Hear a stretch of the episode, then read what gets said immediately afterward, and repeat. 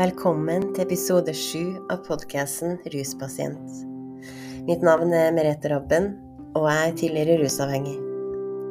Denne gangen har jeg besøk av Roy Tømmervold, som også er tidligere ruspasient.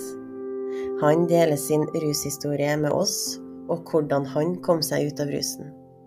I dag studerer Roy til å bli erfaringskonsulent, og han går i samme kull som meg.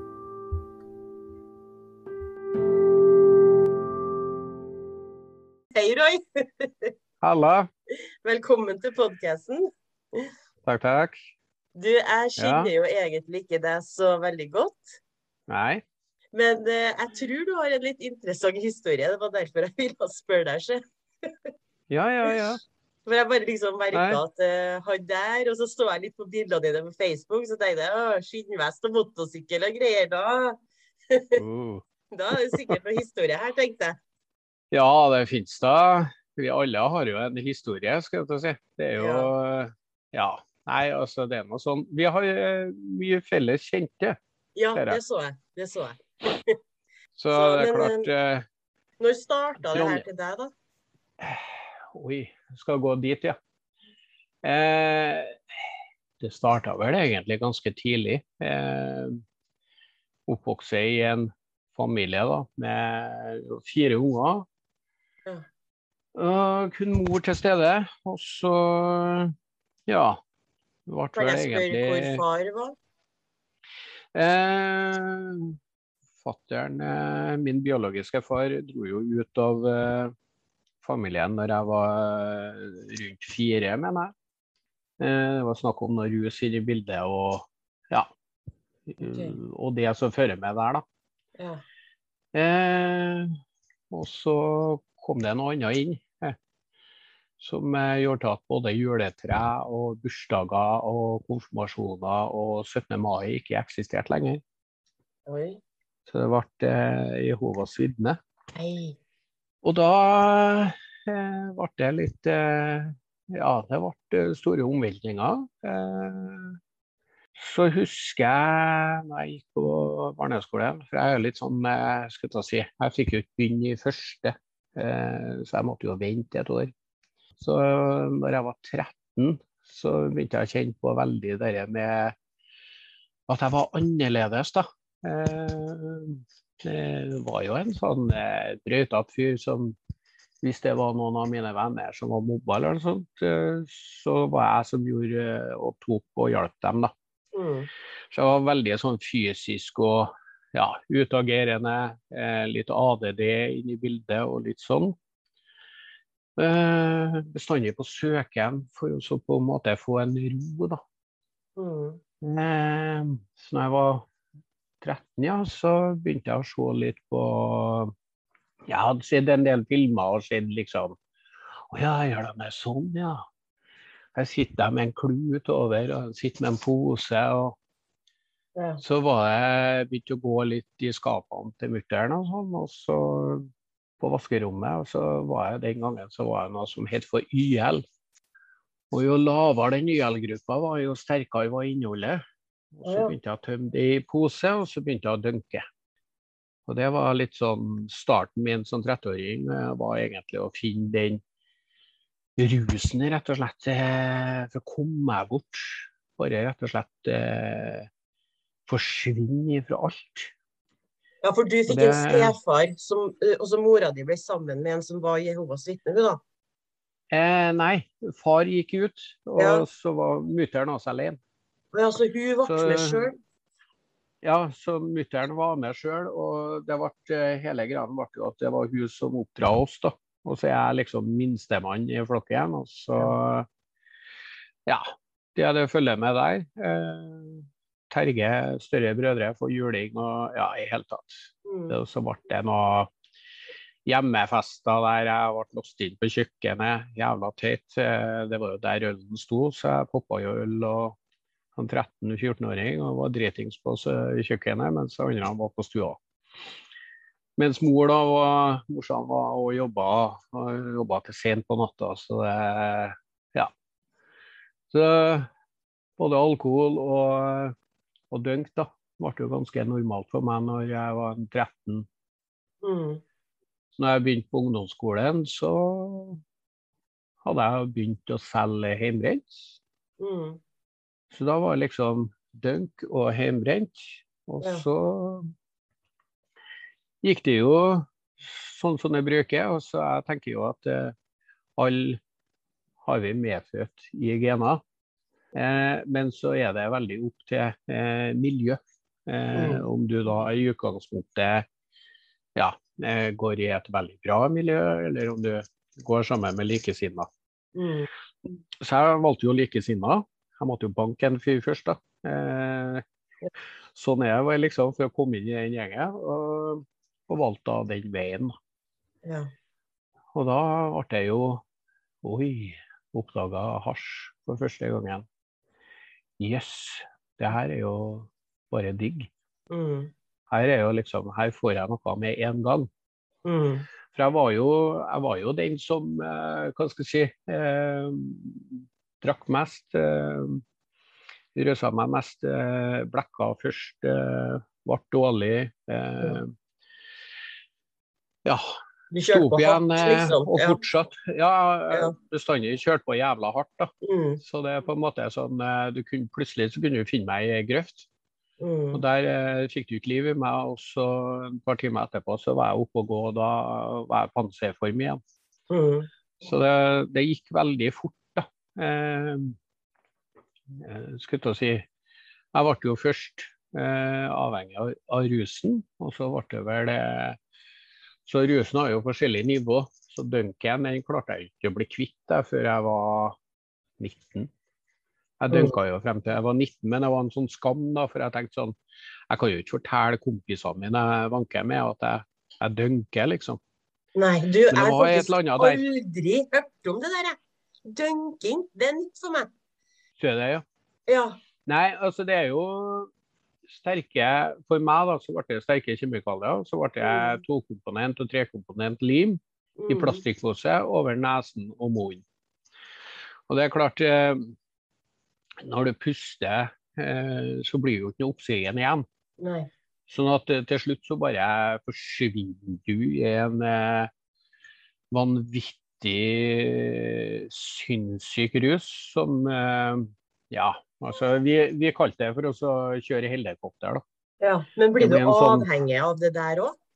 Å ja, til gangs. Det, var, det var som jeg sier, at jeg, jeg hadde ikke mulighet til å legge det fra meg før jeg var borti 19. Nei. Og da hadde jo røyka og drukket og festa og vært ut og inn i en eh, Jeg var ikke medlem, men jeg banka litt i en eh, motorsykkelklubb i Trondheim. Ja. Og det var, så etter hvert så kjente jeg jo at ja, nei. Eh, jeg måtte prøve å legge det fra meg, da. Eh, Mm. Det med dunk, da. Ja. Og så smøg jo, så var det bestandig sånn at vi røyka jo hasj og cannabis, og så ble det mye alkohol. Og så er det noe sånn alltid at det, du på en måte du ser eh, Kikker på andre og så peker utover, og så tenker du der er jo mye verre enn meg. Det er Ja. makkafrikerne. Å gud! Nei, skal ikke begynne med det tullet, nei. Dæven han. Går ikke an å stole på dem, og de sier de skal fikse hasj og bla, bla, bla. Og møter ikke opp og Nei, å fysj, for en gjeng. Ja. Gikk det en liten stund, og så var vi der. ja. Kjenner du den? Kjørte vi den eh, hele veien. og ja, Til å begynne med så var det jo hva skal jeg si, litt rolig. Eh, sniffing, dropping. Ja. Eh, ikke sant? Og så begynte jeg å like veldig den der bimbam-formen. Ja. Eh, har i deg amfetamin, eh, og det er amfetamin Speeden på 80-tallet eh, var noe helt annet enn det som er i dag i dag. Det kan jeg tenke meg. Den var sikkert mye Eh. bedre. Det er sikkert mye renere. Eh, 02 sitter du våken i eh, ja, nesten to døgn, da. Ja, sant. Å, Det var jo folk som holdt på det var jo folk som holdt på å bade etter eh, 018. Ja. Det var jo bager, ikke sant. Det er 300 kroner som var 016. Og folk var jo påtent som ja, fjell. Med juletre. Ja, eller juletre. Høyblokk eller juletre. Det er jo helt Ja. steinvilt. Ja.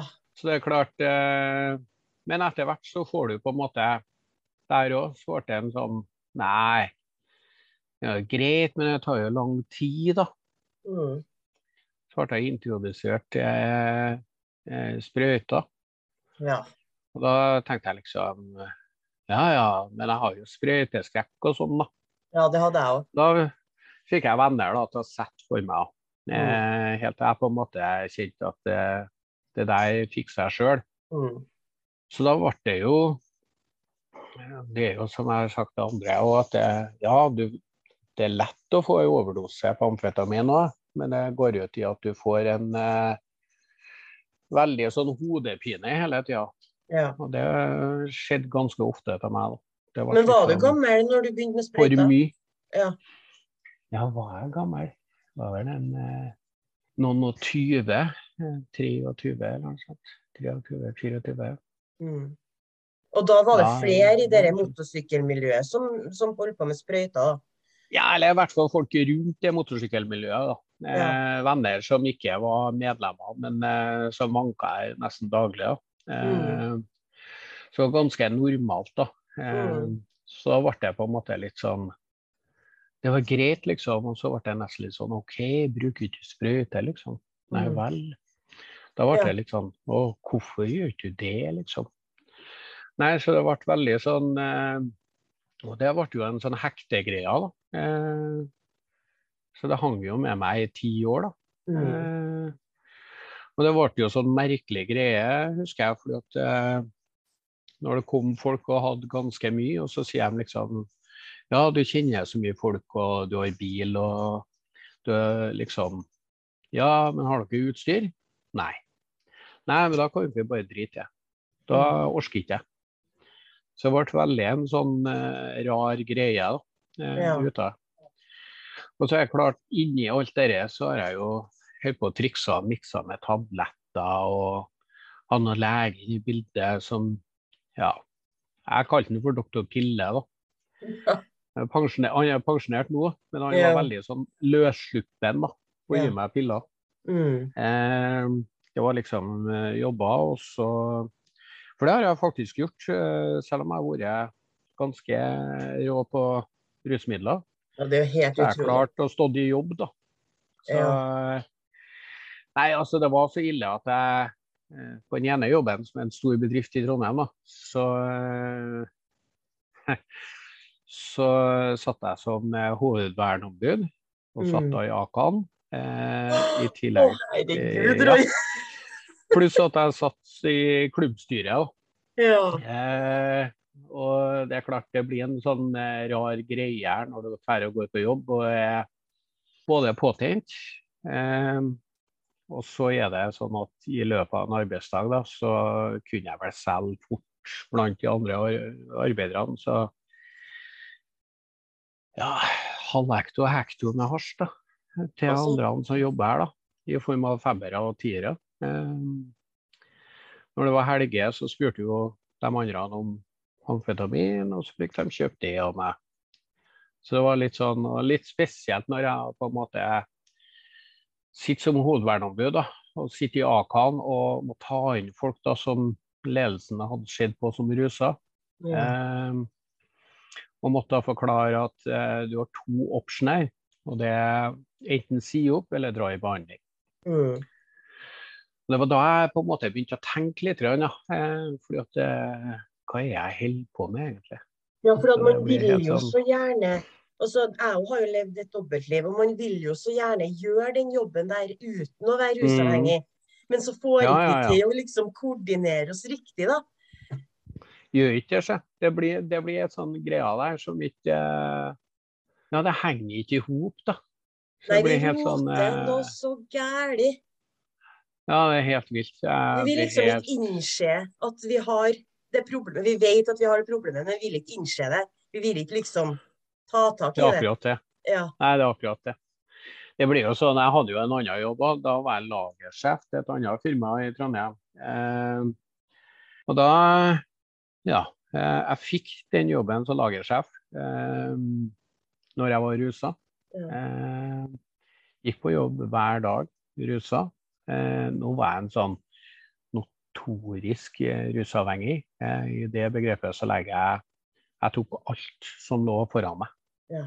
Jeg hadde ikke noe å si hva det var. Jeg tok det. Ja, du har kryssavhengighet. Ja, Ja. veldig. Altså, det var som de sa nede på Kongens gate 87 den gangen, at hei, jeg tror vi må oppgradere deg. OK. Ja, nei, vi har fått noe svar på noe urinprøve her. Da hadde jeg blitt stoppa på Stjørdal sammen med en gjeng. Eh, vi hadde kjørt fra Trondheim.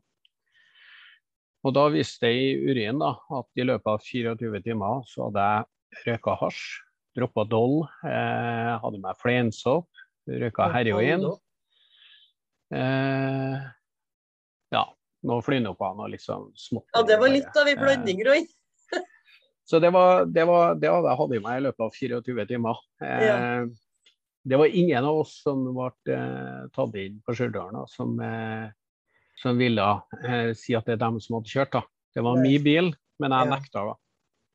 Men de slapp oss, da, og jeg hadde jo ekstra nøkler, så vi kjørte jo bare derfra igjen. Ja. Så det er klart, men eh, men jeg jobba i det store firmaet her i Trondheim og, og kjente Ja, hvordan- etter den samtalen Ja. Hvordan gikk det på den, derre- den jobben du jobba der du satt i Akan? Jeg ble bare litt nysgjerrig. Hvordan endte den stillinga der? Nei, altså, det gikk veldig bra. Eh, det var ikke noe problem. Det mennesket jeg hadde foran meg i den samtalen, valgte å slutte. Eh, rett og slett. Det ble veldig grinete på meg, for det var jeg som solgte alt av dop på den Og det visste de? Eller han visste det, han òg? Eh, han visste det, for at eh, jeg hadde jo kjøpt av meg, blant annet. Ja. Eh, så på en måte, Men det var jo sånn som jeg måtte poengtere der og da. Det var jo Det er ikke jeg som er meldt ifra ledelsen, det er du. Ja. Så vi må klare å skille her. Ja, men du er jo råspeeda. Ja, jeg, jeg er det, men, men det går bra. Ikke sant? Og da, og da blir det jo klart at da kommer du i en sånn indre kamp, da. Eh, når det står plutselig der igjen. Eh, så etter hvert så begynte jeg faktisk å tenke at eh, faen er jeg holder på med. Mm. Her må jeg begynne å gjøre noe. Ja. Og da var jeg Husker jeg at jeg Det var i august 2002. Så kjente jeg at helvete, jeg er nødt til å gjøre noe med livet mitt. Og da kjente jeg liksom at nei, kanskje jeg skal gjøre det, ja. Så hadde jeg sett noe av noen folk da, som var rusavhengige, som hadde et rusproblem, som hadde slutta å bruke rusmidler. Så tenkte jeg jeg kan jo i hvert fall prøve det. Så gikk jeg på et sånt møte, eh, og så Jeg var jo, var jo rusa når jeg kom på møte og sånn, men, eh, men jeg valgte i hvert fall eh, å bare sitte og lytte og bare høre hva folk snakka om. Jeg fikk ikke med meg så mye, men eh, så gikk det Ja, jeg gikk tilbake og gikk tilbake eh, på de møtene der. For jeg tenkte at eh, Og da klarte jeg å holde meg rusfri på egenvilje. Ja. For jeg tenkte at noe må jeg være her. Eh, Jeg vet ikke hva det er, men noe må det være som gjør til at jeg har en mulighet til å kanskje eh, bli bedre enn hva jeg var. Ja. For altså, livet mitt som en aktiv rusavhengig i Trondheim, så synlig rusmisbruker som jeg var eh, Nå har jeg ikke tatt med absolutt alt opp igjennom, men eh, jeg drev jo og trente, jeg jo, drev jo med bodybuilding. Jeg drev jo med anabole eh, i tillegg til alt, og var svær. Eh, Jeg hadde en del kompis etter meg som var rimelig aktiv på 80-90-tallet. Eh, Arne blant annet kom springende etter meg, tok i foten min. Og det er en sånn greie som sitter så hardt i hodet mitt. da. Tok tak i ene foten min, eh, så jeg tryna i asfalten rett utafor McDonald's midt på dagtid. Ja. Der jeg ser folk da har problemer med å spise opp det hamburgeren og sånn. da. Ja. Strippa for klær for å se om jeg har satt et skudd. Så det er klart, alt dette blir jo tanker, og du kjenner på at jeg er sånn jeg vil ha det, liksom. Ja. Og inni vaset så sitter jeg jo som far da, til to unger. Så i 2002 ja, du, så har jeg ja, du klarte å få barn òg i løpet av årene? Ja, ja, ja. Ja. Tror, jeg, sånn i utgangspunktet så, så har jeg fått til to unger fordi at jeg på en måte jeg har jo kjent på Å, du blir så forelska. Ja. Og så kjenner du på at det liksom Ja, ja, dæven, herre går bra. Eh, gjør ikke det, vet du. Nei. Rus og kjærlighet og sammen med ikke-rusavhengige og sånn. Det Mm. går ikke. Det går ikke i hop i hele tatt. Eh, så i 2002 så står jeg her med eh, ja, i separasjon. Sønnen min er tre år gammel. Eh, Dattera mi er ni. Hun har jeg med ei anna dame. Og så kjenner jeg liksom Ja, eh, jeg må jo prøve.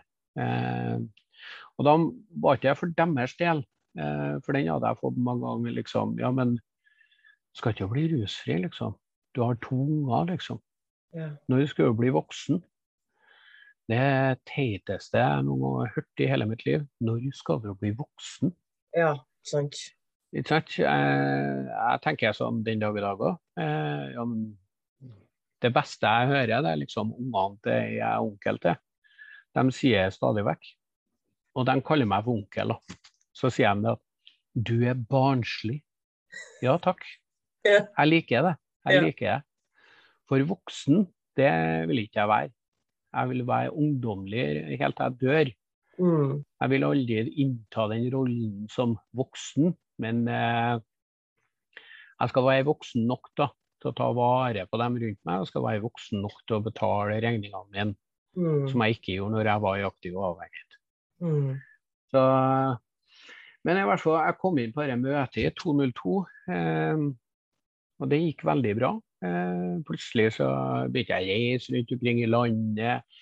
Jeg begynte å ta vare på meg sjøl. Eh, Men hvem var det som hadde dette møtet? Var det en spesiell gruppe, eller? Det var NA i Trondheim. Nei, ja. eh, I en veldig sånn tidlig fase.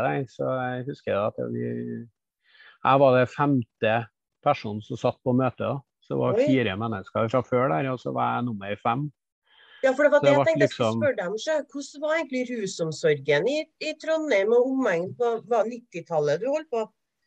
Ja, både 80 og 90. Ja.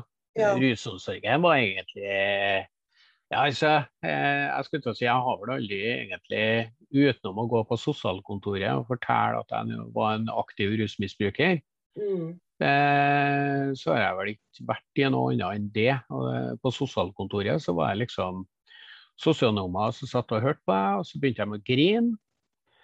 Og så måtte de gå ut av kontoret, og så når de kom tilbake, så kom de med en sjekk. Eh, her har du penger, liksom. Oi.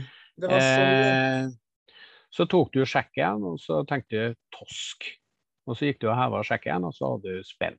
Ja. Så det var ikke noe sånn eh, Ja, det var, det var ikke noe Men nå, nå gikk ikke jeg liksom eh, til noe andre enn liksom på sossen den gangen. Nei, sant. Ja, skjønner. Så jeg visste bare at det var noe som het for AA. Eh, Og etter hvert så oppdaga jeg at det var noe som het NA. Ja. Og der følte jeg meg mer hjem, da. Ja. Med den type rus som jeg har holdt på med. Eh, Så det er klart eh, Rundt omkring i landet og treffe likesinnede folk og ble kjent med masse OK folk. og Mm. ble liksom bare uh, helt topp. Eh, så går det noen år, og som jeg har tatovert på handa mi, så har jeg fem år, elleve måneder og tolv dager. Så velger jeg da eh, i en eh, Kall det en psykisk tilstand der du kjenner på um, at du ikke er bra nok lenger. Mm. At du eh, føler på ensomhet. Eh, du sitter hjemme og koker og kjenner de minste ting blir jævlig svær. Eh, I tillegg til at da hadde jeg en arbeidsgiver innenfor transport eh, som la ned firmaet sitt. Mm. Så det blir mindre jobbing. Jeg sitter her i en egen leilighet. Jeg har sykkel og har bil, har alt. Og kjenner jeg bare på at hva er det, hva er det som skjer nå? Mm. Da valgte jeg å gå ut eh, til en motorsykkelklubb i Trondheim, og så ble jeg medlem. Eller jeg ble en prospekt der, da. Eh, Flytta inn i den klubben og Ja. Den ute i Trolla, eller? Nei, nei. Så jeg trenger ikke å si navnet Nei. på den klubben. men eh, det er ikke Trolla, nei. Eh, men i hvert fall, jeg valgte sjøl, da. Etter eh, jeg, jeg, jeg vet ikke, jeg, det var flere som mente at jeg var, ikke var normal da, der òg. Mm. Fordi at i eh, 100% nykter tilstand med tannpine og lite penger, eh, så står jeg plutselig med kliptang oppå et eh, bad der. Og står og trekker tenner eh, med klipptang. Eh, opp og begynner å dra ut tenner. For at det var så høy tannpine. Ja. Knust tennene rett og slett med klipptanger, for jeg kleip for hardt. og Nei, det var ganske brutalt. Så det var litt sånn Og da hadde jeg allerede begynt kan du si, veien, da. For da kan du si at jeg hadde en mental sprekk, da. Ja. Eh, sånn at eh, underbevisstheten eh, ja, mente vel egentlig at dette var normalt. Det er jo overhodet ikke det. Så det er jo, var jo en psykisk tilstand der som jeg på en måte ikke vil beskrive som normalt. Men vet du Eh, hva som leda opp til at det ble sånn? Nei, altså jeg tror det var den ensomheten eh, har jeg kommet frem til. Og så var det å være en del av eh, et miljø, være en del av et fellesskap. Eh, Som rett og slett leder til at jeg da i den smerten og alt det og ikke skal på en måte verken røyke eller ha i meg noe som helst, så, så velger jeg da i den perioden der og så ja, å begynne å ruse meg igjen. da. Men tror du, når du ser tilbake på det nå, tror du at det var at det ble sånn fordi at du egentlig ikke fikk bearbeida noe særlig eh, når du hadde de nyktre årene? At du bare tenkte dette her klarer jeg, jeg er rusfri, men jeg orker ikke å bry meg på det psykiske egentlig som jeg har gjennomgått. Altså I NA så er det veldig mye sånn eh, eh, Du har nå tolv trinn. da. Du Ja, skriver eh, og du ja. lærer, lærer om deg sjøl. Ja. Eh, jeg hadde jo kommet til et hakk der jeg lå i fjerdetrinnet. Eh, som jeg gikk inn i som jeg syns egentlig var veldig sånn skummelt og vanskelig og ja, skrivesperrer Og... Men det er det å klare å se på seg sjøl, og så kom jeg vel til et hakk der jeg på en måte ikke ville jobbe videre med det.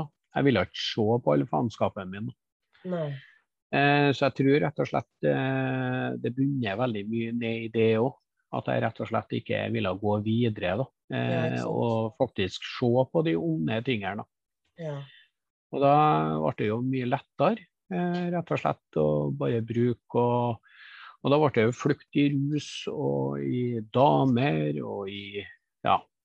Ikke sant? Det går jo liksom rus, damer, trening, mat. Ja. Ja.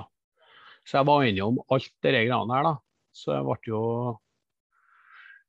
Gikk jo fra rundt 90 kg ned til 67 kg med mye større armer igjen og våken. eh, For jeg var jo, når jeg var aktiv på 80-90-tallet og, og sånt, når jeg var ute på den sprekken, så var jeg jo våken i en måned. Ja. Lå jeg og sov i to dager, så var jeg våken i en måned. Og så, Det er nå sånn. Det var sånn jeg var, liksom. Og det...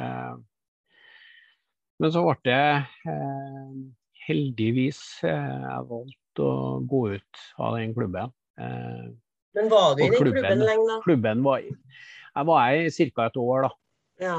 Og Og vil du si at det året For da hadde du jo et tilbakefall, egentlig. Ja. Vil du si at det året At det var egentlig verre enn det du kom fra? For det er jo ofte sånn med tilbakefallene at de blir litt verre enn Eh, altså sånn, eh, ikke, ikke sånn eh, i utgangspunktet mentalt, vil jeg si, men eh, kroppsmessig, ja. Mm. Fordi at eh, det som skjedde, selvfølgelig, er jo at når du er, har nesten hatt seks år rusfri, Mm. og etter en måned inn i bruken, eh, og da står på samme eh, mengden da, med Mm. rusmidler eh, som du hadde seks år før, så er det klart at det gjør noe med både kropp og hode og i hele tatt. da. Så det er klart at det, det gikk skitfort. Ja. Så det er klart at eh, når du står på andre enden og har rasert leilighet, eh, hvem det skal ta den, og ja, det blir bare vær og vær med alt, egentlig. Eh, Mm. plutselig er det noen advokater inne i bildet der eh, begge mødrene begynner med noe styr om å ikke skal se unger og ja, det er masse greier da, inni bildet her. Og, da er det på en måte jeg kjenner at eh, ja, nei, du må bare prøve igjen. da. Og da kommer kom jeg jo tilbake. Jeg har det jo på handa 11.07.2009. da. Mm. Så velger jeg å gå samme veien eh, på nytt, da. Eh, og så eh, ja, nei.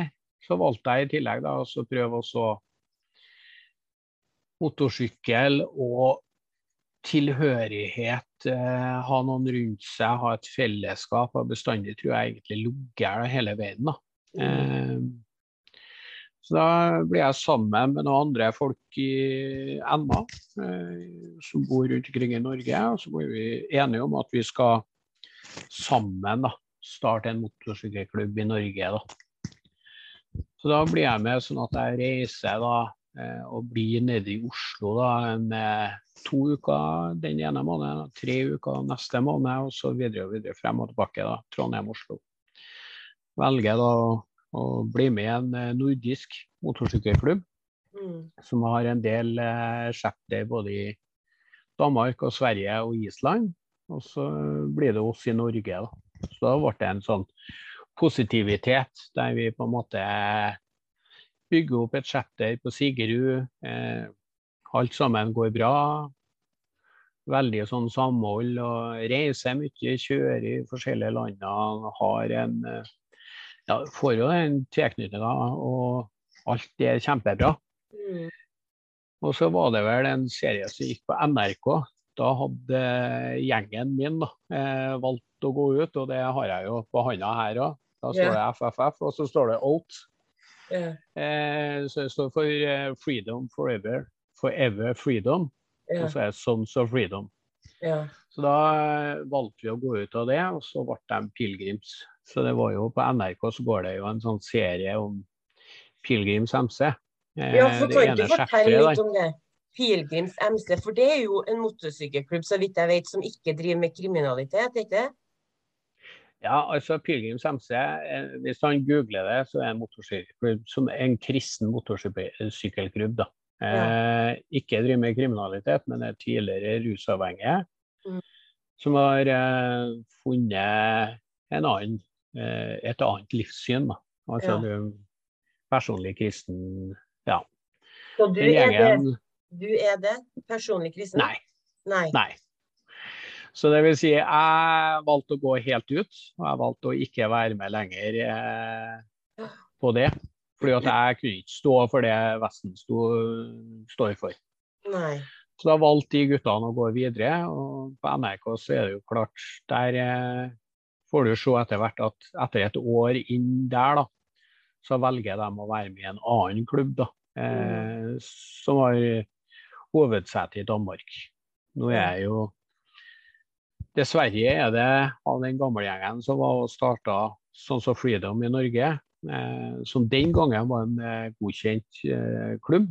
Mm. Eh, så er vi bare to stykker som er rusfri av seks. Ja. Så det er litt sånn eh, Ja.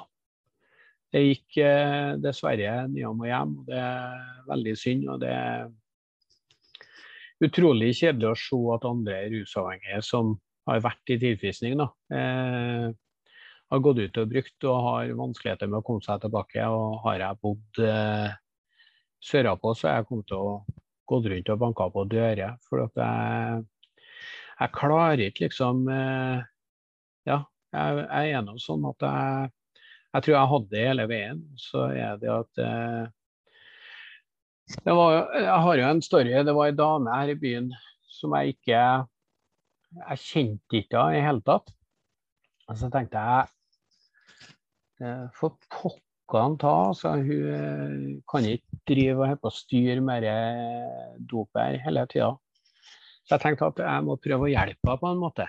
Eh, og da har vi kommet et stykke opp i 2000-tallet. Eh, så tenkte jeg liksom nei, det må være noe. For da hadde jeg allerede drevet på samarbeida litt med helseteamet, helse- og vært med litt rundt omkring. og Det helseteamet snakka om skadeforebyggende og eh, sårstell og skadevirkninger av de forskjellige typer rusmidler. Mm. Eh, og så tok jeg min story. Eh, det her er livet mitt. Eh, både for leger og ambulansesjåfører, foreninger og skoler rundt omkring. Mm. Men så tenkte jeg ja, men nå kjenner jeg jo såpass mye folk. Jeg kjenner jo folk overalt. Og så tenkte jeg dæven han, hun dama her må ha hjelp. Så ringer jeg helse- og overdoseteamet så sier jeg du, hun herra må inn på Utsikten. Mm. Hun er nødt til å få hvile. Hun herra overlever ikke. Eh, sånn er det bare. Eh, tok av meg nedover til helseteamet, så fikk hun plass tvert. Eh, så ble det sånn Ja, jeg drev jo hele tida og prøvde da, å få hun da til å eh, gå inn i behandling, da, rusbehandling. Eh, for jeg hadde jo, etter at jeg ble nykter i 2009, så satt jeg jo sjøl og venta et år på å bli utreda.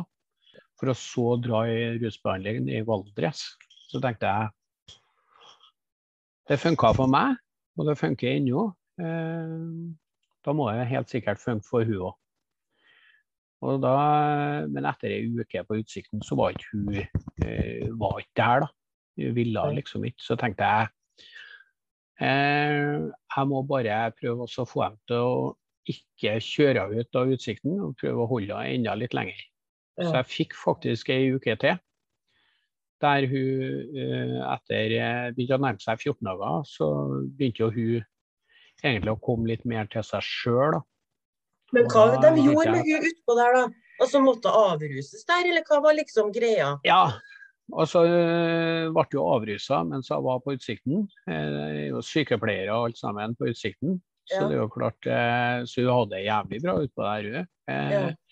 Hun kom mer til seg sjøl, da. Så når jeg da tar tak i hun etter at hun kommer fra Utsikten, eh, så tok jeg bare rett og slett Nå blir hun med til Byåsen. Mm. Her er soverom med nøkkel på innsida. Så går jeg i kjelleren og legger meg. Morgenen tidlig når hun står opp, så kjører vi til Larvik. Mm. Og da eh, drar du i behandling. Så det var rett og slett bare å sette seg i biler, kjøre nedover. Eh, bli med inn på den eh, institusjonen. Eh, ble med på alt. Eh, både bagsøk, eh, altså de skal jo gå gjennom alle klærne og alt sammen. og Var med på det. Var med liksom innskriving og snakka med de andre pasientene som var her. og og Mm. sånn, og så var det tilfeldigvis en gammel eh, kjenning av meg som var i behandling da. Mm. Og da knytta jeg han opp imot hun. Sånn at, eh, som jeg sa til han at du skylder meg såpass mye at nå skal du passe på hun, så Ja. hun har det godt mens jeg er her. Ja. Såpass skylder hun meg, og hvis jeg hører henne, så kommer jeg bare nedover seg. Ja. Så det var liksom Ja, nei, slapp av, liksom. Mm. Jo, nei, så det var Så det ble jævlig bra. Så altså, av og til nå når jeg går på møter, så hender det seg hun kommer innom, og hun har jo passert ni år, da, rusfri. Oi. Så da er jeg på en måte Da funka det. Da var jeg helt sikkert der på rett tid, rett sted, rett tid. Gjorde de rette tingene. Eh, Men jeg tror at hun har aldri i verden kommet til å ha dratt inn noe behandling etter ei uke på Utsikten. Nei. Eh, For da var hun fullstendig motstander. Men Ja. med 14 dager, eh, der jeg på en måte er, kommer litt mer tilbake til der du er, da. Ja. Eh, litt lenger fra rusen. Klarer å se litt mer på den Ja, eh, det er ikke bra sånn som jeg har det. Nei, du har ikke noe takk over hodet, ikke får du se ungene dine. Eh, alt det der. Og plutselig så Yeah! Mm. Så det var helt sånn eh, magisk for meg å, å se, og hver gang jeg møter henne, så blir jeg like glad. Eh, for at jeg tenker sånn Jeg har vært med og forandra livet hennes. da. Jeg har Mm. vært med og, og gjort noe av betydning som gjør til at ikke bare at hun har det bra med hennes unger, Mm. foreldre, alle rundt henne. For det er som jeg sier, at en rusavhengig blir som en stein du holder i handa, og så går du bort til et vann. Så kaster du steinen i det vannet, og da ser du ringvirkningene av eh, hva en rusavhengig gjør med omverdenen. Ja, det var litt Så bra sagt. hver ringen blir jo alle de nærmeste og alt. Så det er ikke Mm. bare steinen i seg sjøl du ødelegger, Mm. du ødelegger så mye mer. Mm. For det er jo sånn som jeg òg tenkte at det, herregud, det skader jo ingen andre enn meg sjøl. Jeg skader jo ikke mutter'n, ikke fatter'n, ikke brødrene mine, ingen Mm. ungene mine. ikke sant? Mm. Så viser det seg, eh, etter å ha vært eh, rusfri nå i over tolv år, da, så kjenner jeg jo at selvfølgelig har jeg jo skada alle Ja. psykisk. ja. For jeg har jo Min ruspersonlighet er jo Ja, det er som jeg bruker å si når jeg har vært ute og, og snakka om livet mitt, så er det sånn at eh, hvis jeg har eh, møtt meg sjøl eh, i Midtbyen eh, på 80-90-tallet, så er jeg blitt livredd og snudd og gått en annen vei. Jeg har ikke villet ha noe med en person å gjøre. Eh, jeg var ikke noe kul. Eh, det var ikke alltid jeg var velkommen eh, verken her eller der. Eh, og når jeg var aktiv, så fikk jeg egentlig den beskjeden hjemme òg, at jeg kom hjem og leverte fra nøkkelen, rett og slett. Hva gjorde det med deg da, når du fikk den beskjeden der? Jeg vet ikke. eh, Når jeg var rusa, eh, så tenkte jeg bare sånn Ja, men hva faen, det driter jeg i, liksom. Eh, fordi at jeg hadde en sånn greie for Når jeg flytta hjemmefra første gangen, så kjøpte jeg meg leilighet. Og så var det sånn at jeg flytta bort fra hjemstedet til Flatåsen. Mm. Og da kjøpte jeg meg en stor leilighet der, og så var det sånn at eh, hvis jeg skulle ha besøk av dem som var streite mennesker, som mutter'n og stefaren min, som etter hvert da kom inn i bildet, da, eh, søstera mi, og hvis de ønska å komme på besøk, så måtte de ringe en dag i forveien. For det er klart at eh, det skjedde en gang at eh, mora mi sto og ringte på døra, og åpna døra. Så sto vi i døra, så sa jeg bare at eh, hva gjør du her? Mm. Ja, jeg kommer liksom, jeg har tatt bussen fra Nyborg, bla, bla, bla. Ja, og så? Du ringte ikke i går. Dermed så har du ikke noe avtale i dag, så du er nødt til å gå. Og det er rett og slett eh, fordi at har jeg sluppet inn, så har det jo sittet ja, alt fra to til åtte venner da, inn eh, i den leiligheten. Brukerutstyr eh, på stua, brukerutstyr på ene soverommet. Ja. Fløyt og amfetamin, eh, hasj. Eh, det kunne holde på å koke fleinsopp på kjøkkenet. Det, var, Mm. det var liksom Det var liksom alt. Mm. Og ønsker ikke på en måte at Og der kommer jo det med skammen igjen, da. Eh, det med at du prøver å skjule og manipulere og alt det der, ikke sant. Og så vil du ikke at de nærmeste skal vite egentlig hvor jævlig du egentlig har det. Mm. Eh, Men visste de det, tror du? Klarte du å skjule? jeg mener sjøl at de, eh, altså de hadde vel en formening om at det ikke var som det skulle. Ja. Eh, for det er jo klart, eh, når jeg hadde bodd på Flatåsen og egentlig skulle ha vært hjem fra Oslo med nesten et halvt kilo med amfetamin og masse andre snadder, ja. så blir vi storma. Eh, jeg valgte å ikke dra til Oslo den gangen pga. en telefon eh, fra en person som jeg ikke visste hvem var ja. som eh, gjorde at det utløste en tanke i hodet mitt om at her er noe galt på gang. Og når jeg da 13 timer etterpå blir storma, da, så skjønte jeg at ja, da var jeg rett at jeg ikke skulle dra. Mm. Eh, stykker blir lagt i jern, ført ut av den leiligheten. Eh, de finner masse penger. Eh, veldig mye penger. eh, men ikke sant, alle vi som var her, klarte å ha få tilbake pengene, for jeg var jo fortsatt i jobb. Jeg hadde nettopp fått feriepenger.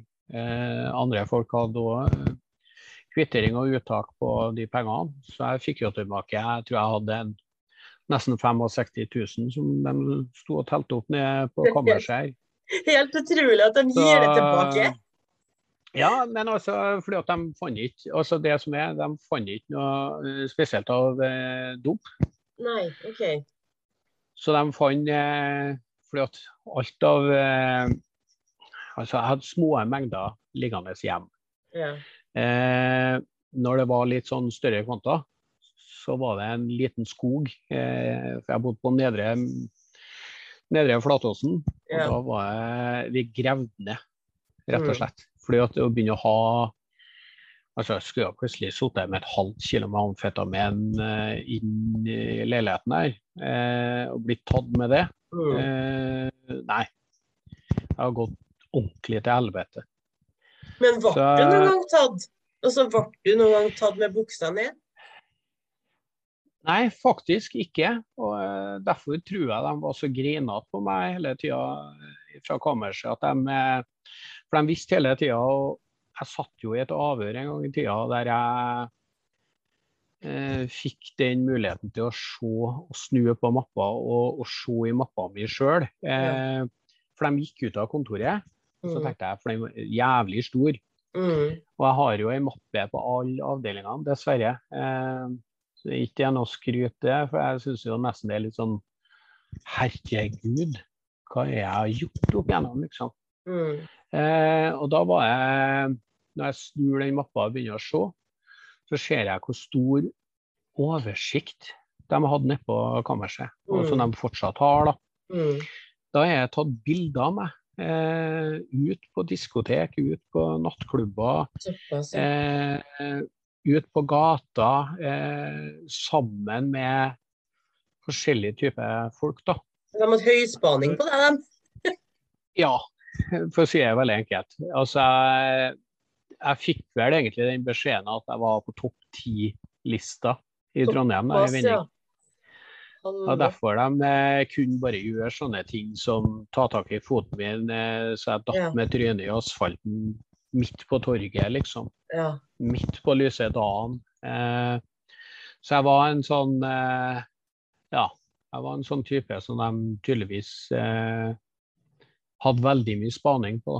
Mm. Eh, sånn at det ble, det ble egentlig skjønt hele tida at jeg hadde noen etter meg. Noen kaller det for paranoia, men, eh, men jeg vil ikke si at jeg var paranoid. Jeg var mer enn at jeg var bevisst at, jeg, var, eh, at jeg hadde noen etter meg. Ja. Så det er klart at eh, eh, Redningen var jo rett og slett at jeg på et eh, tidspunkt der da kjente at jeg ville ikke ha det sånn. Eh, alt det med police eh, som var helt uh, hekta på å ta meg. Uh, ja, for det blir slitsomt grunn- når du har dem etter deg. For det hadde jeg ja, Veldig, veldig, Det er så slitsomt. nedverdigende at de bare kan stoppe deg når du vil. De kan dra Ja. deg inn når de vil og strippe deg. ikke sant? Ja, og det er så Ja, At ja, de har den makten over et annet menneske. Da kjenner du virkelig på hvordan samfunnet er bygd opp også, når det blir sånn. Ja, helt, eh, altså det er helt sykt at, det, at de kan Eller den gangen i hvert fall gjorde de det. Jeg vet ikke Mm. hvordan de er nå, heldigvis. da. Jeg tror de er eh, likens, faktisk. Ja, men heldigvis nå så er i hvert fall de eh, verstene på 80- og 90-tallet de eh, jobber ikke som politi lenger, da. Eh, Nei, ikke sant, men altså, det kommer jo alltid noen nye. Det er sikkert en ny Arne allerede i politiet. Ja, ja. Ny Kvamvoll og Ja, i Ja. hele tatt. Ja da. Og Bekken og Ja da. Nei da. Men sant, altså eh, Men det er jo noe med holdningsendring, da, håper jeg. Ja. ja. For når en, for når en politimann, etter at jeg har vært nykter i noen år, eh, første gangen da, eh, kommer og vil hjem og inn til meg, eh, så er det liksom eh, Bor på Lian, eh, sønnen min ligger og sover. Eh, Arne kommer liksom med hodet og skal gjennom døra. Så var jeg bare, tok jeg tak i bare brystet på han, og så stilte jeg meg ja, ganske nære. Så sa jeg unnskyld meg, men her har du ikke noe å gjøre. Oh, ja, nå, nå, trodde jeg at han ville, ja, nå trodde jeg at han ville komme på besøk for å være hyggelig, men han ville inn til deg Eh, nei. Nei. Eh, og da var jeg egentlig ja, og Så prøvde jeg å si det at eh, jeg går i NA. Det vet du. Jeg er nykter. Du har ikke noe her å gjøre. Eh, så jeg skjønner ikke hva du gjør her. Så nå må du bare gå, seg. Eh, for jeg går igjen enda.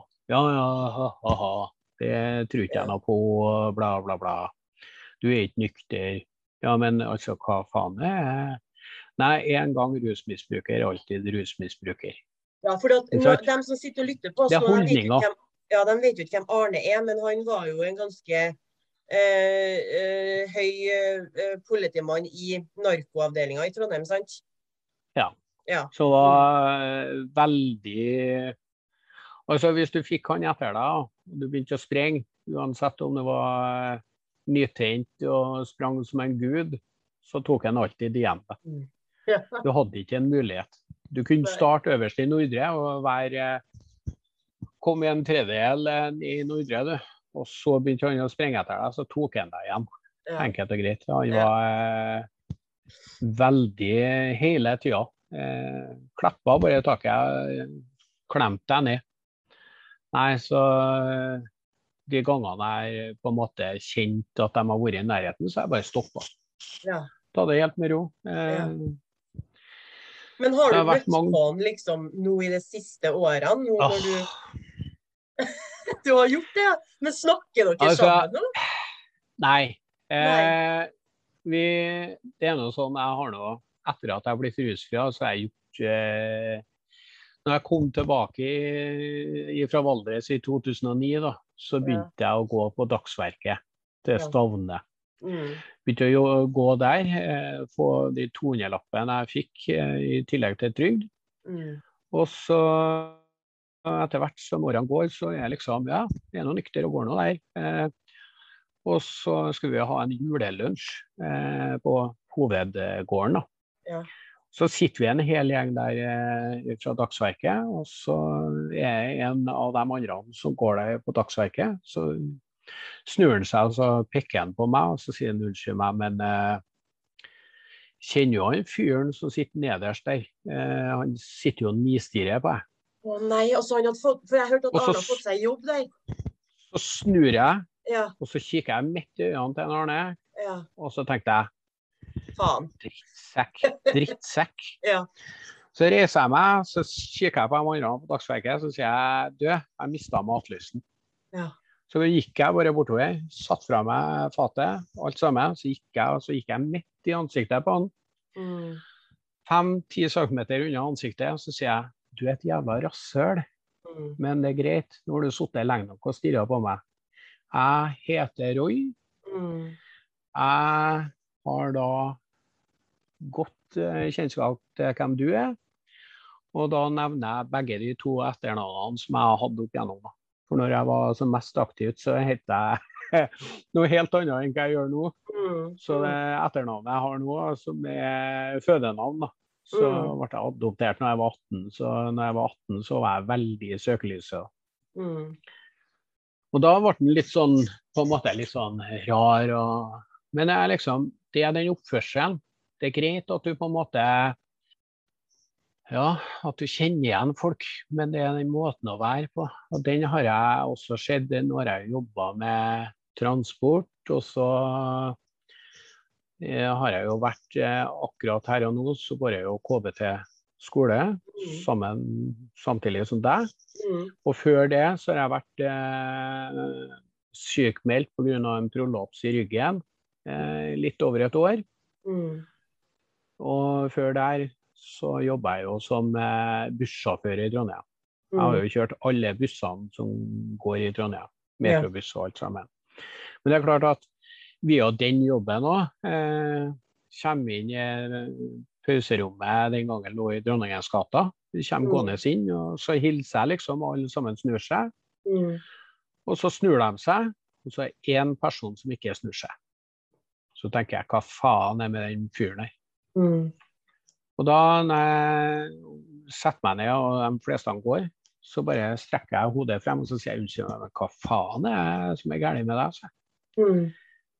Og da forklarte han seg, da. eh, Tidligere politimann, da, Ja, som er bussjåføren den dag i dag. Da. så han hadde den Altså, hvorfor hadde Ja, det- den først? Altså, hva er det som skjer her? Nei, altså det har noe med at eh, eh, han gjenkjente meg, eh, men eh, med at jeg har da mappe på alle avdelingene. Eh, økoavsnitt, vold, Ja. krim, dop, eh, ja, vinning, absolutt alt da, som jeg har innenfor der. Så er jeg et ganske kjent ansikt. Eh, og han hadde visst tydeligvis et eller annet med meg å gjøre på en av de avdelingene i, i gamle dager. Så når han ser meg i bussuniform, kollega, eh, så blir han vel kanskje sjokkert til å begynne med. ja. Veldig sånn går det an, liksom. Eh, Men sjokkert sånn i positiv forstand, eller? Ja, i positiv okay, forstand, ja. rett og slett. Ja. så jeg tror nok det at det var positivt, for eh, i etterkant så har vi prata mye, og vi tuller mye, og han kaller ja. meg for kompis, og det er ja, veldig sånn. ja. Men jeg, jeg tror han var faktisk veldig sjokkert over at eh, jeg som var så gæren en gang, eh, plutselig kan eh, være en kollega og kjøre en buss. Eh, plutselig så er Plutselig så har jeg alle bokstavene Ja. som finnes på sertifikatet. Det er ikke noe mer å kjøre opp til. Nei. Men så har jeg vært en søppelnarkoman. Jeg har ligget ut. Jeg har jo til tider ikke hatt tak over hodet. Ligget på sofaen her rundt omkring. Har også eh, gått og lagt meg på dørmatta til ei venninne en gang. Eh, Ja. Når hun skulle på jobb, eh, så tråkka hun på meg. Eh, men isteden da på en måte eh, Ja. Så sa jeg bare ja, men da går du bare og legger deg i senga, og så går jeg på jobb, og så snakkes vi når jeg kommer hjem. Og da Så er det klart at ifra å være eh, den personen til den personen jeg er den dag i dag, Mm. eh, både har fått jobba og fått den tiltroen da, eh, til de forskjellige jobbene jeg hadde, eh, så er det litt sånn Ja. Det er en merkbar stor forskjell, da.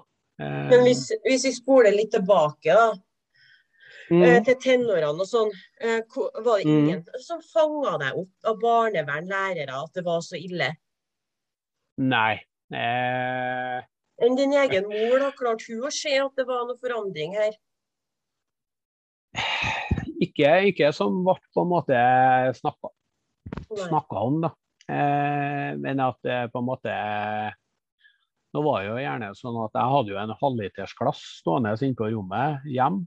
Ja. Nedi det halvlitersglasset så lå det ei fyrstikkeske eh, med ferdig stapp. Mm. Så var det en tobakkspung, og så eh, var det ei maispipe. Mm. Og hvis ikke jeg hadde på en måte eh, Ja, for at jeg hadde travelt, hadde nettopp røyka et eller annet.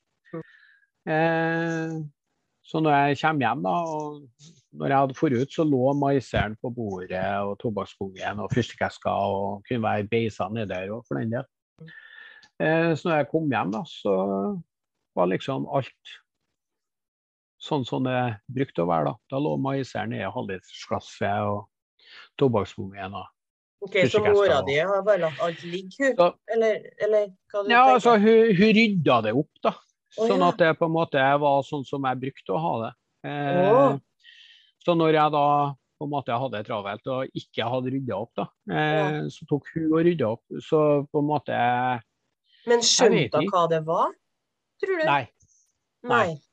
Så det vil jo si at eh, etter den razziaen på Flatåsen, så velger jeg da sammen med han kompisen som leide til meg, å flytte eh, på en, et nedlagt gårdsbruk oppe i skauen. Det går jo til helvete, så da holder det jo etter hvert, da. Der jeg må få uh, mutter'n og stefaren min til å komme med lastebil og hjelpe oss å flytte Mm.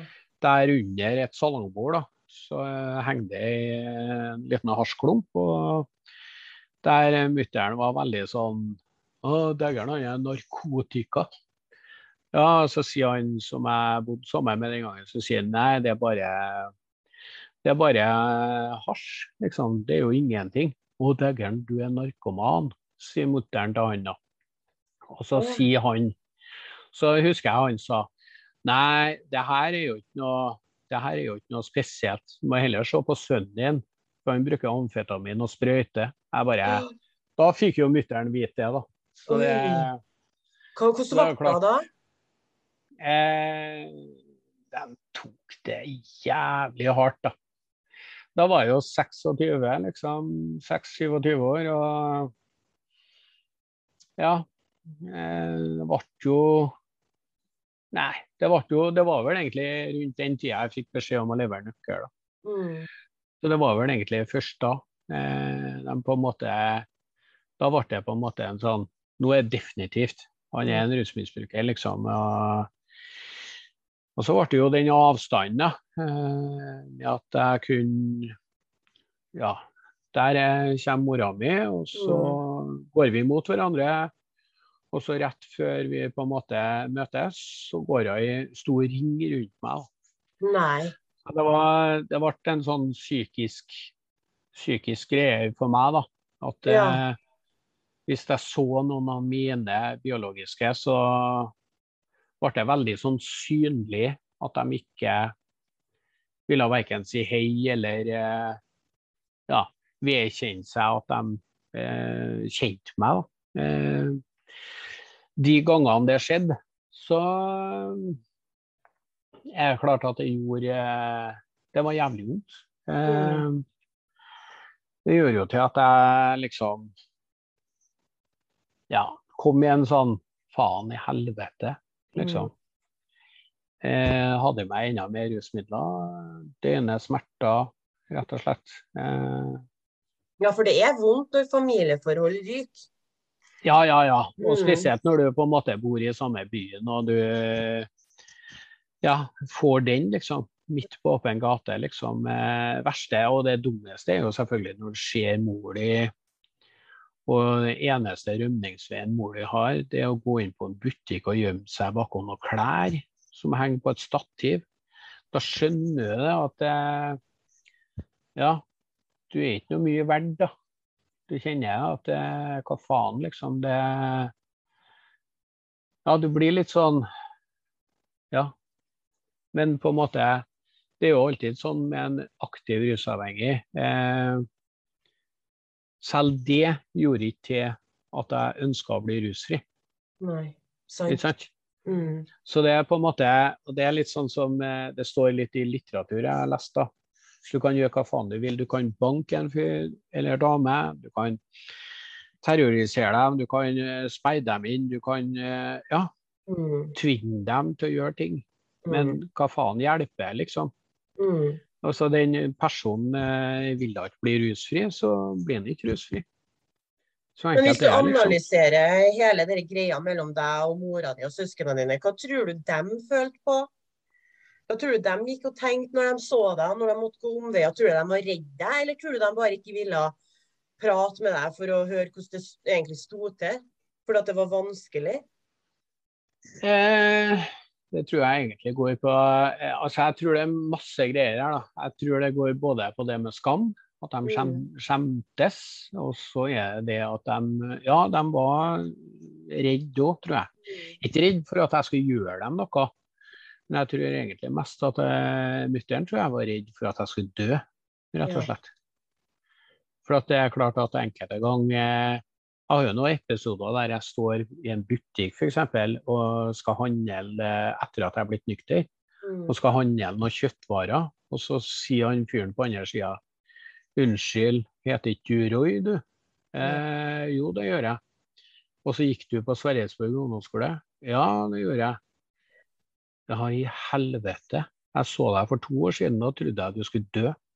Ja. Så det, det er klart at eh,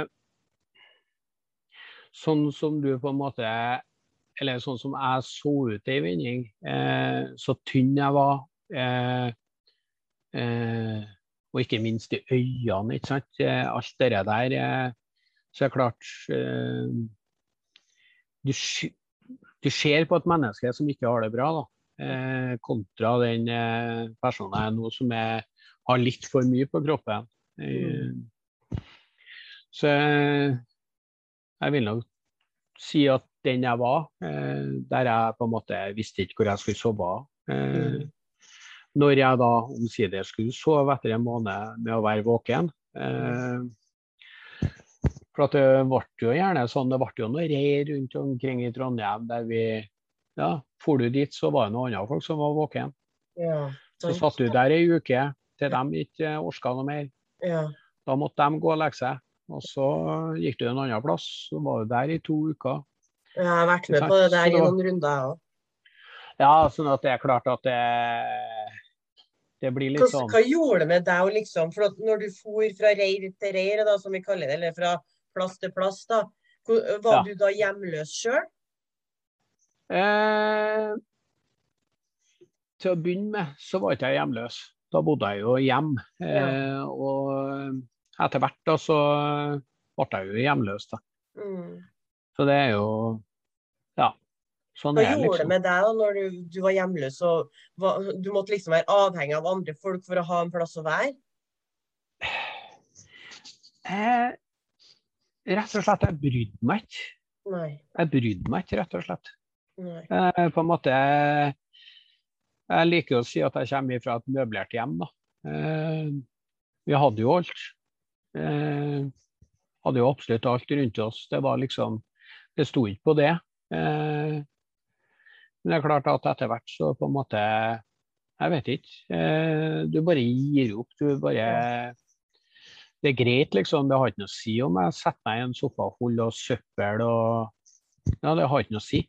Det er på en måte du Du kommer til et hakk da, der du på en måte I hvert fall for min del, der jeg på en måte kjente at jeg bare driter i det. Mm. Så lenge jeg får den rusen. Mm. Det blir sånn Rusen blir så opp Eh, oppslukende at du til slutt bare Ja. Du bryr deg ikke om noe annet. Du bryr deg ikke om avtaler med dattera og ja. Kom det en bedre deal, og så tok jeg den isteden. Og så mm. møtte ikke jeg hun da. Mm, sant. Det er klart at det er masse greier her som mm. eh, Så tenker jeg på i ettertid at det er jo klart jeg har jo ødelagt noen forhold opp gjennom da, som eh, ja, altså tida vil vise da, om de blir bedre. Mm. Så den dag i dag har ikke jeg kontakt med dattera mi. Det er jo det er klart at hun vet at jeg har vært rusfri over tolv år. Men, mm. eh, men, det har noe med tiltro Det har noe med Ja. Og jeg på en måte jeg kan bare tenke sånn at ja, hun var ni år når jeg ble rusfri første gangen. Eh, og den jeg var frem til hun var ni, det var ikke en kul fyr. Eh, jeg rusa meg ikke sånn åpenlyst eh, foran henne, men min ruspersonlighet, da, den måten å være på, eh, eh, var ikke noe sånn Jeg var ikke noe kul fyr, da, for å si det enkelt. Men fikk du kontakt med mora di og søsknene dine etter hvert igjen? Eller var de forholdene bare Altså, for å si det sånn, altså, Etter første perioden min, når jeg var rusfri i nesten seks år, så mm. begynte jeg å få kontakt med mutter'n. Eh, og da var, fikk jeg lov til å komme hjem på besøk, og vi prata mye og så alt det der. Eh, etter den sprekken, som varte i nesten et år, da, så ble den kontakten brutt tvert. da. Eh, ja. Så nå er jo ja, det er litt over fire år siden mora mi døde. Ja. Da hadde vi ikke hatt noe kontakt whatsoever. Så jeg er jo sjøl på sykehuset og er veldig dårlig form. Mm. Eh, så kommer søstera mi, og da får jeg bli med bortover og besøke mora mi, da, som ligger på sykehuset. Eh, mm. Samme perioden. Eh, ja veldig glad egentlig for å fikk være med på det. For at jeg, jo, jeg var så dårlig at jeg ble trilt bortover i rullestol. Eh, og når jeg sitter og, på sida av mora mi og ser at nå er ikke lenge igjen, liksom. Og hun var vel egentlig ikke til stede, men det var vel mer det at eh, søstera mi ville at jeg ta, skulle ta farvel, da. Ja. Eh, og det kjente jeg var Det var heftige greier. Senere den, eh, den natta så, så er hun bort. Da er ikke jeg noe mer. Det var veldig tungt. Mm. Det var Det ble liksom OK, her har jeg holdt meg rusfri. Jeg har prøvd å gjort de rette tingene. Ja, bodd sammen med ei dame som jeg nå er gift med, og ja. eh, Så det ble veldig sånn rart. eh, Det ble holdt en minnestund på sykehuset der jeg når minnestunden er ferdig, der stefaren min eh, tar omkring meg og så sier han at du er velkommen hjem. Åh. Ja. Men det var litt for seint, kanskje? Ja, altså sånn eh, Det var godt å høre, men i tillegg så var det veldig vondt. Var det. Mm. Eh, men eh, den dag i dag da, så har vi bra kontakt med meg og stefaren min. Ja, men det jo Så jeg kaller han, så jeg kaller ham forfatteren. Altså, Ja. Han er jo Jeg er jo adoptert, eh, så jeg kaller ham forfatteren. Eh, så han ringte jo meg senest i går, liksom. Og eh, kan ikke dere ta en tur på middag i morgen? Så jeg liksom Nei, Mm. så det er veldig sånn ja, Jeg hjelper en, jeg prøver å hjelpe en med enkelte ting han Ja. sliter med. Mm. Han er jo en gammel mann, men eh, Mm. men han er, han er en sta eh, gammel mann som eh, blir 83 år. Å, hallo. Og så går han på jobb eh, Nei, ja, Hvis det trengs, så går han på jobb eh, fem dager i uka. Han er Ja. vaktmester, Å ja. Så han er yrkesaktiv ennå. Ble 83 i januar, da. Ja. Så han Men ikke for, er å, ikke for å gå inn på vonde ting, Roy, men jeg er bare nysgjerrig på om fikk du sagt det du ville til mora di før hun tok og helt farvel? Og så sa du unnskyld, eller spurte om tilgivelse, eller bare satt du der med henne? jeg, eh, For 24, litt over fire år siden ja, så satt jeg egentlig bare henne. Prøvde å si noe, men eh, på en måte Ja. Nei, eh, og så har jeg jo gått med en sånn evig bekymring etter eh, den sprekken. Eh, og det skjønner jeg godt. Eh, Mm. fordi at, eh, som sagt, jeg, ja, jeg satt jo nesten et år jeg på Furulund, eh, som dessverre skal rives etter hvert. Mm. Der satt jeg da i nesten et år og venta på utredning. Eh, Mm. som jeg sa til dem som skulle utrede meg, at eh, nå syns jeg jeg har vært der lenge nok. fordi at hvilken normal, oppegående person er det som sitter i nesten ett år på å få betegnelsen rusavhengig for å komme seg inn i rusbehandling? Nå syns jeg dere må nødt til å begynne å få ut alle fingrene ifra mm, Nå må jeg virkelig videre. Det her klarer ikke jeg lenger. Mm. Mens jeg er der, så er det da Og den gangen så var det Politinytt og alt det der. Og, og da hadde det vært en razzia på Mm. Furulund. Det var elleve mennesker som ble inndratt, pluss en hund. Eh, Ja. og da er jo klart at da kommer det bekymringer fra mutter'n til søstera mi, som igjen ringer innover fordi at jeg måtte jo selvfølgelig være en av dem. Mm. Det var jeg ikke. Jeg var Jeg holdt meg rusfri mens jeg var på Furulund. eh, Gikk videre til Valdresklinikken og, og sånn. Men det var den evige bekymringa, tror jeg. Mm. Bekymringa på at jeg Jeg brøyt vel en tillit der, da. Med at jeg gikk ut på den sprekken. Ja. Jeg hadde blitt eh, rusfri. Jeg begynte å få det bra. Jeg hadde en jobb, jeg hadde en leilighet, jeg hadde motorsykkel, jeg hadde bil. Jeg tok, eh, hadde jo ungene annenhver helg. Eh, så at jeg på en måte begynte, ja, begynte å fungere, da. Eh, da, da får jo hun håp igjen, sant? Ja, det er akkurat det. Mm. Da får jo hun håp, da. Mm. Og da er det klart at eh, Så det Og den tilliten da, kom aldri mer tilbake da, eh, mens hun levde. da. Så det er utrolig trist og utrolig kjedelig. Eh, men jeg har fått tilbake tilliten til stefaren min, altså fattern, eh, mm. som veldig har jo kjøpt ut på Frosta, og der får jo han lov til å komme utover. og, mm. og har egen sengeplass til han utpå Frosta her. og og så drar han og koser seg utpå der sammen med meg og kona og lager mat og prater skit. Og... For du føler sikkert at du får til å gi litt tilbake nå?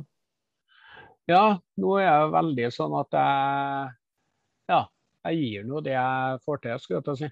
Eh, er det noe, så prøver jeg nå å stille opp. Ja, han skal jo til øyenlege eller mm. fikse noe med de høreapparatene som han har skifta ut fem eller seks ganger nå på et halvår, fordi at han ja, han er nå som han er.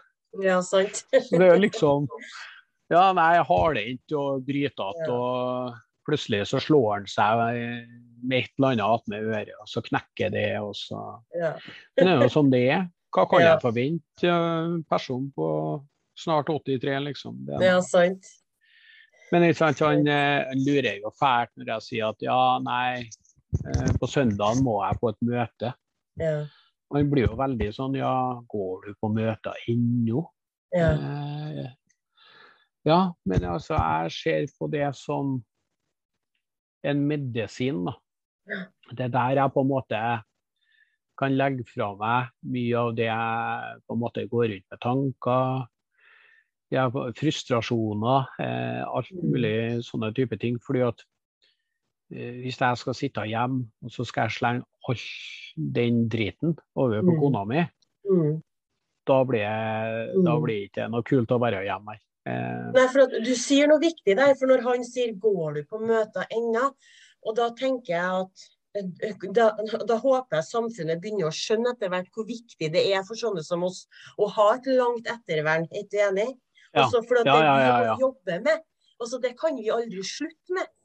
Vi kan Nei. aldri slutte eh, recovery-prosessen vår, vi. Nei. Nei. Altså, det er jo, det er jo en mm. sånn enkel måte, enkel måte, å se på. Altså, eh, ettervern, da, eh, hvis vi sammenligner med en fyr som knekker foten da. Ja. Eh, han knekker foten, eh, og så får han eh, gips, og så får han opptrening. Mm og så er han frisk, han. Mm. Ja. En rusavhengig da, som er i aktiv rus, som velger å gå inn i en behandling, da, mm. går inn, og så får han i behandlinga. Mm. Og så når han kommer ut, så må han ha ettervern. Mm. Opptrening. Mm. Den opptreninga den er litt lengre enn den opptreninga etter den knekte foten. Mm. For den opptreninga den varer livet ut. Mm. Og Hvis du ikke har det livet ut, så detter du tilbake. Da har du knukket foten enda en gang. Ja. For å si det på den måten. Mm. Så det, det, er liksom det med at uh, Det at jeg sier at møter blir medisin, da, mm. det er jo fordi at det er noe en person sier. Eh, det er mange som sier mye bra, mm. men det er noe, kanskje en liten ting, jeg tar med meg. Så kan det være noe jeg har sagt da, som treffer noen andre. som og dæven, det var bra sagt, eller et eller annet sånt. Og så tar de med seg det videre. Mm. Når de kommer i en lignende situasjon, så kan de ta frem det. Dæven, han sa det. Mm. Og Det er vel egentlig det som gjør det så unikt, da, fordi at vi snakker et språk der vi skjønner hverandre. Mm. Altså, jeg trenger ikke å si å legge ut i video brede, liksom. Men jeg på en måte kan bare si at ja, Mm. Og det er jo sånn som jeg sier der jeg er på, via skolen nå, så mm. sier jeg bare at eh, bare sånn at likesinnede folk skal eh, skjønne at jeg er den jeg er, så er det så enkelt. Så sier jeg bare at Jeg går her gjennom den skolen og så for å bli erfaringskonsulent med trykket på erfaring. Og Mm. erfaringa mi er 24 år med rus. Mm. Og da ble det sånn Å ja, faen, du er jo sånn som oss. Mm. Ja, jeg er det. Men jeg har litt over tolv år rusfri. Mm. Uten re, rød trekantmedisiner, uten Mm. alkohol, uten noe som helst annet Mm. rus. Mm. Men det vil ikke si det samme som at jeg ikke flykter i andre avhengigheter. For da begynner vi å snakke om eh, litt mer greier. Andre avhengigheter, det er jo For min del så er jeg veldig opptatt av eh, cola. Mm. Heldigvis har jeg gått over til svart topp, Cola uten sukker? så det ikke, så det ikke er sukker. ja. sånn at, men ikke sant, altså, vi har gjerne den greia der med å gå i andre avhengigheter. Eh, og det er klart det at Men jeg er mer sånn på at hvis det er noen som ser det, for jeg ser ikke det når jeg går i en annen avhengighet, Mm. så klarer ikke jeg sjøl å se at jeg er i det. Eh, men jeg er mer åpen nå da, for å Mm. høre fra andre folk om at Mm. hei nå, kanskje du burde Mm. Ja, takk. Tusen takk for at du minner meg på det. Mm. Jeg tenker sånn at eh, det kan være en like dårlig ting hvis det blir for mye av en ting, da. Mm. Uansett hva det er, så er det ikke bra. da. Mm. Hvis det tar opp for mye tid og livet ditt, Mm. så er det ikke bra, rett og slett. Så, Men bare litt sånn på slutten her, nå får vi jo snart ved veis ende. Vi har jo snakka i Ja, en ja. time nesten. Det er jo Og kjempebra. hold fred. Ja. Og Tida jeg som trodde at dette skulle bli vanskelig. Ja, sant, det er mange som sier det. Ja, ja, ja. Men, men eh, for at og altså. vi, vi holder på å utdanne oss til å bli erfaringskonsulenter. Ja. Og, og, og så når folk spør meg da, ja, men hvorfor er ikke flere erfaringskonsulenter rundt omkring? Det lurer jeg på. Og det er folk i systemet som spør meg hvorfor har ikke vi erfaringskonsulenter på jobb? F.eks. som i, i barnevernet har forskjellige avrusningsplasser. Mm. Hva vil du Mm. si til altså lederne som kanskje hører her rundt omkring? Hvorfor er det viktig å ansette sånne som oss? Ja, altså Først vil jeg nå si at eh, jeg tror at det er mange flere erfaringskonsulenter eh, rundt omkring enn hva som kommer frem. Ja. For de liker ikke med betegnelsen erfaringskonsulent. Det, det er det ene. Men at vi trengs? Ja, vi trengs. Vi trengs overalt. da. Eh, blant annet eh, tenker jeg spesielt innenfor det offentlige. Eh, kommune, fylkeskommune. Eh, fordi eh, bare sånn tenkt greia i forhold til Nav f.eks. Mm. Der burde det ha vært en eh, erfaringskonsulent med bakgrunn i rus. Det kommer da folk der i full frustrasjon, skjønner ikke systemet, eh, er i en håpløs situasjon og føler egentlig at de møter veggen. Rett og slett, de får ikke de svarene de hadde forventa seg. Eh, de blir enda mer frustrert.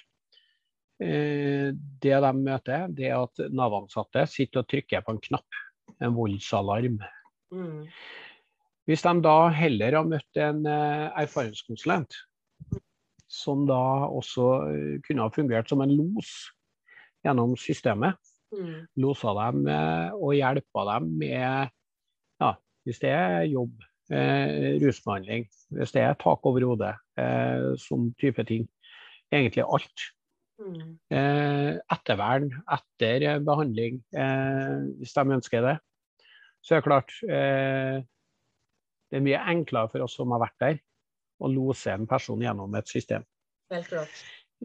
I, i forhold til eh, rusinstitusjoner eh, altså, For å si det sånn, det er veldig bra med alle leger, eh, psykologer, prester. Eh, ja, alle sånne profesjoner er veldig bra.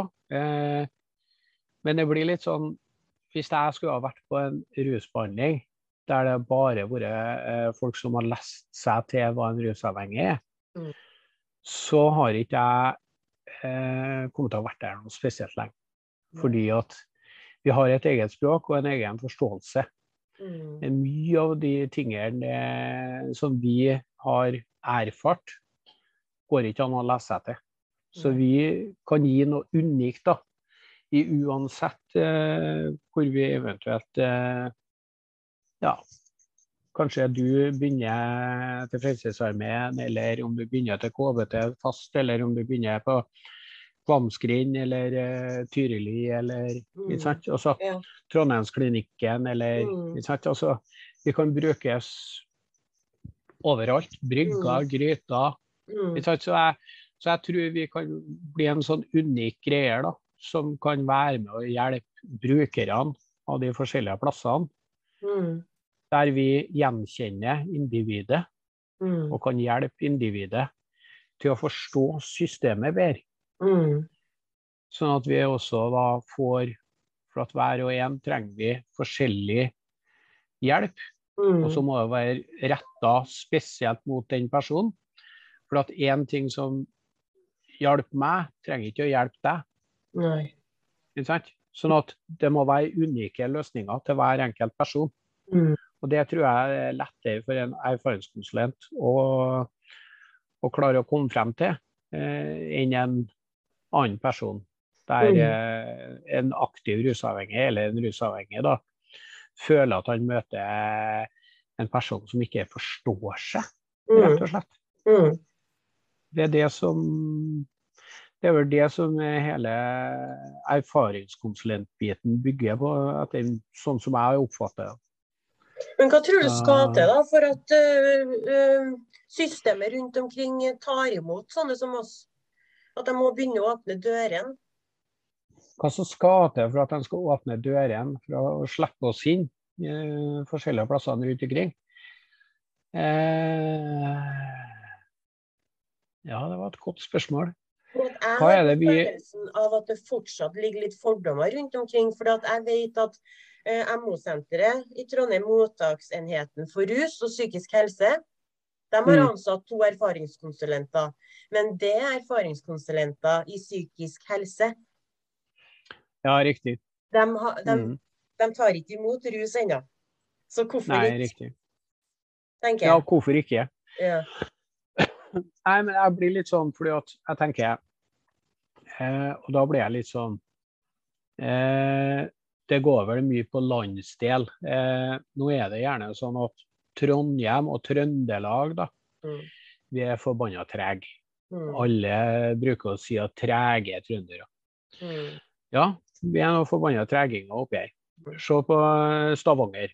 Mm. 50 erfaringskonsulenter ansatt i kommunen. Mm. Stavanger, ikke sant? Mm. Så det Oslo, flere hundre. Mm. Ikke sant? Kommer det nedover mot Sarpsborg, ansatt. Mm. Eh, ikke så langt unna Lillesand. Der er ansatt i kommunen. Mm. Ansatt eh, flere eh, erfaringskonsulenter. Og alt dette er bakgrunn i rus. da. Mm. Fordi at det er et eller annet der de har skjønt at vi er nyttige. da. Vi kan Mm. gjøre en forskjell. Og så er det at vi blir så unike, da. Som jeg sa tidligere òg, at vi har den erfaringa Mm. som ikke går an å lese seg til. Mm. Vi klarer å forstå våre likemenn og likedamer. Vi møter dem på deres nivå. Mm. Vi fordømmer ikke. Vi, jeg sier ikke at profesjoner og folk, leger og sånn, alltid gjør det. Noen kanskje gjør det, Mm. dessverre. Mm. Eh, for det har jeg vært utsatt for sjøl. At det er liksom Ja, for du blir på en måte ja, narkoman. Mm. ikke sant? Ja. Og det er klart, eh, så det, det ligger fortsatt, som du sier innpå, det ligger en del fordommer fortsatt. da. Mm. Der du på en måte kjenner at ja, du blir en alien fortsatt da, Mm. i det store samfunnet. At du blir så jævla forskjellsbehandla pga. bakgrunn. Mm. Det er jævla synd, men eh, nå er det gjerne bare sånn at eh, en gang narkoman, alltid narkoman, som han Ja, gjerne sa en gang i tida. Ja, ja. Og den holdninga der, da. Den Mm. Ja, altså Men hvordan vi skal klare å få snudd den holdninga, Mm. Å få en holdningsendring inn i både det offentlige og rundt omkring i det sosiale òg. For at Mm. en ting har jeg oppdaga etter å ha vært en åpen rusavhengig som ikke bruker rus, så blir det veldig sånn at det er veldig mye mennesker jeg møter på min vei, da. Gjennom både idrett som jeg driver med, og andre typer sosiale lag. Så er gjerne det at folk tar kontakt. Mm. Så snakker jeg, og så sier jeg bl.a.: Jeg har en sønn, eller jeg har et søskenbarn. Mannen min. Ikke sant? Så jeg dukker opp, da. Plutselig så er ikke jeg så farlig lenger, da. Nei, sant. Fordi at jeg er en rusmisbruker som har slutta å bruke rusmidler. Ja. Og så har jeg en erfaring da, som gjerne folk søker etter. Både for å prøve å få en quick fix. Altså, her har vi et problem. Ja. Eh, Kan du løse det, på en måte? Men jeg kan ikke løse det, for det er individet som må. Jeg kan komme med noe sånn eh, Det her gjorde jeg, det funka for meg. Mm. Eh, så det er vel egentlig det beste rådene jeg kan gi. Men Mm. den, den hovedsakelig så går det egentlig at hele samfunnet må ha en, eh, en endring.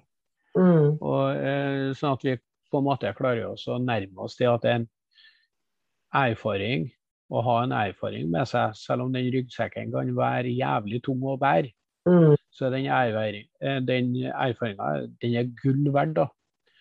Fordi at vi kan gi noe som er så unikt at det treffer de menneskene det skal treffe. Mm. Og det kan være med, sånn som den dama som eh, bor her i Trondheim, som jeg plukka opp fra gata og bare sa at nok er nok, altså. Nå må vi begynne å gjøre noe. Mm. Utsikten, så i behandling, ni år rusfri. Ja. Ikke sant? Mm. Så det er klart det, Og så tenker jeg sånn, ja, hvis det har vært en annen person nå, eh, som ikke er en rusavhengig i tilfriskning, jeg vet ikke om hun Mm. har blitt rusfri. Nei, sant. Jeg tror ikke hun har blitt det. For vi er nødt til å møte oss litt sjøl, så vi er nødt til å få hjelp av likesinnede. Ja. For hvis det er Ja, som ja, du ja. sier, Vi snakker liksom et eget språk. Vi blir liksom en sånn egen rase, på en måte. Ja. Mm. ja, jeg skulle til å si dessverre. Eh, Mm. ja, dessverre egentlig. Men, eh, men det viser seg gang på gang der jeg er gjennom skolen nå, så er det veldig sånn at de eh, Jeg får sånn Jeg har jo begynt med én-til-én-samtaler, og det jeg får tilbake da, er veldig sånn at jeg får den bekreftelsen tilbake at fy søren, det var godt å prate med. Mm. Du skjønner jo hva jeg sier. Mm. Du forstår meg. Ja. Ja, selvfølgelig gjør jeg det. Jeg har jo Mm. vært der. Ja, ikke sant. Og det er så viktig, det der. Åh. Ja, det er unikt.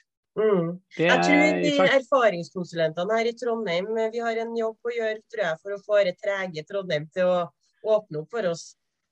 Så absolutt, så absolutt. Og så er jeg bare, altså, jeg har en sånn veldig stor trua på at eh, å få meg jobb etterpå, ja.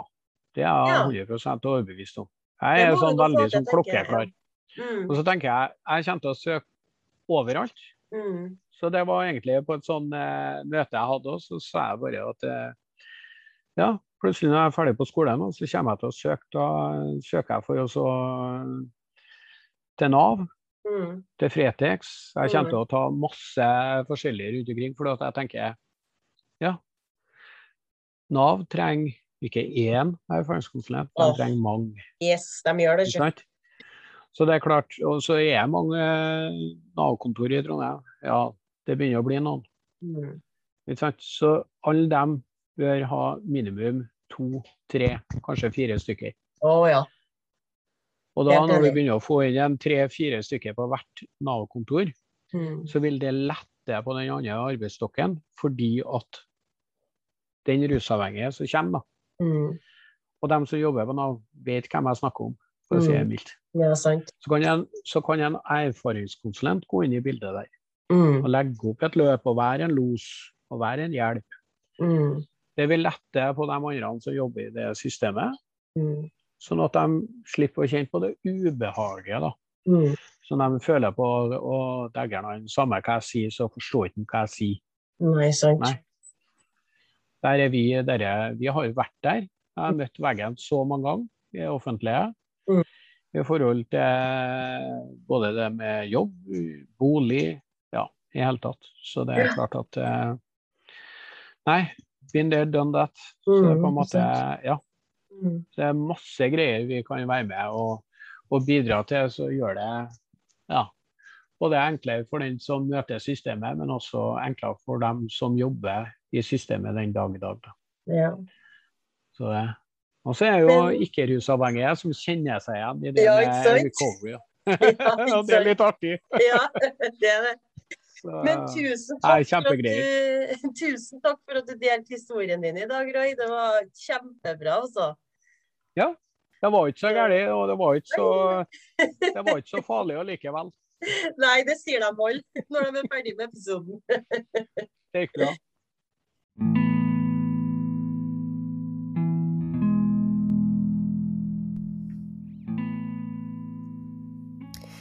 Tusen takk for at du tok deg tid til å høre på episode sju.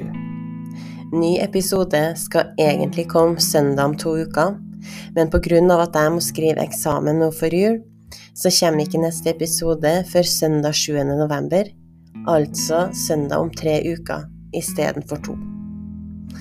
Vi høres da.